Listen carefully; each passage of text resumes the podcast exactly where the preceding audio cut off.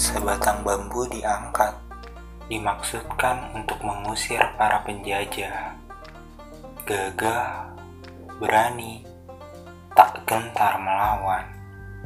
Bahkan, sampai kulit lembut ciptaan Tuhan berubah menjadi kasar dan tak kuat lagi menahan darah yang akan keluar. Seperti nyawa adalah harga yang pantas untuk kemerdekaan bangsa. Kita tak tahu jelas apa yang para pahlawan kita pikirkan. Berani mengangkat benda yang bukan senjata, tapi dijadikan senjata. Melawan benda yang sudah dijadikan rupanya untuk menjadi senjata. Memang benar, kemerdekaan kita tidak ditentukan oleh sebuah bambu yang dibuat runcing.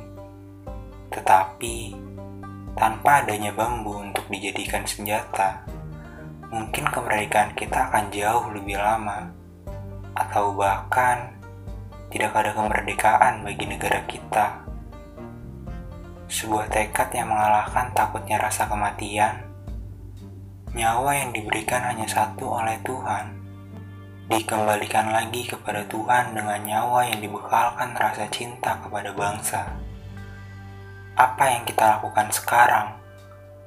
Mengeluh dengan keadaan berbuat sesuatu hanya untuk diri kita semata. Itu pun kita masih suka kewalahan. Pahlawan kita mempunyai mimpi. Kita pun sama mempunyai mimpi. Mimpi pahlawan kita adalah kemerdekaan bangsa saat bangsa kita diserang. Mimpi kita sebuah kesuksesan di mana mimpi kita pun diserang, yang akhirnya ada sebuah persaingan Pahlawan kita tak memandang bambu bukan mutlak diciptakan oleh Tuhan untuk dijadikan senjata. Mereka tetap memakai bambu itu untuk mimpi mereka terhadap bangsa. Tetapi kita sering kali enggan memakai apa yang tidak mutlak memaksimalkan menggapai mimpi kita. Anehnya, terkadang mimpi kita hanya sebatas untuk diri kita sendiri, bukan untuk orang lain bahkan untuk negara. Tetapi kita tetap enggan memakai benda yang tidak dapat berpengaruh banyak atas mimpi kita. Padahal kita tahu kita belum bisa mendapatkan benda yang lebih dari apa yang kita punya. Yang akhirnya mimpi hanya tetap menjadi sebuah mimpi yang termakan oleh waktu. Hingga nyawamu enggan tetap ada di tubuhmu nyawamu ingin kembali kepada penciptanya, tanpa bekal mimpimu sedikit pun.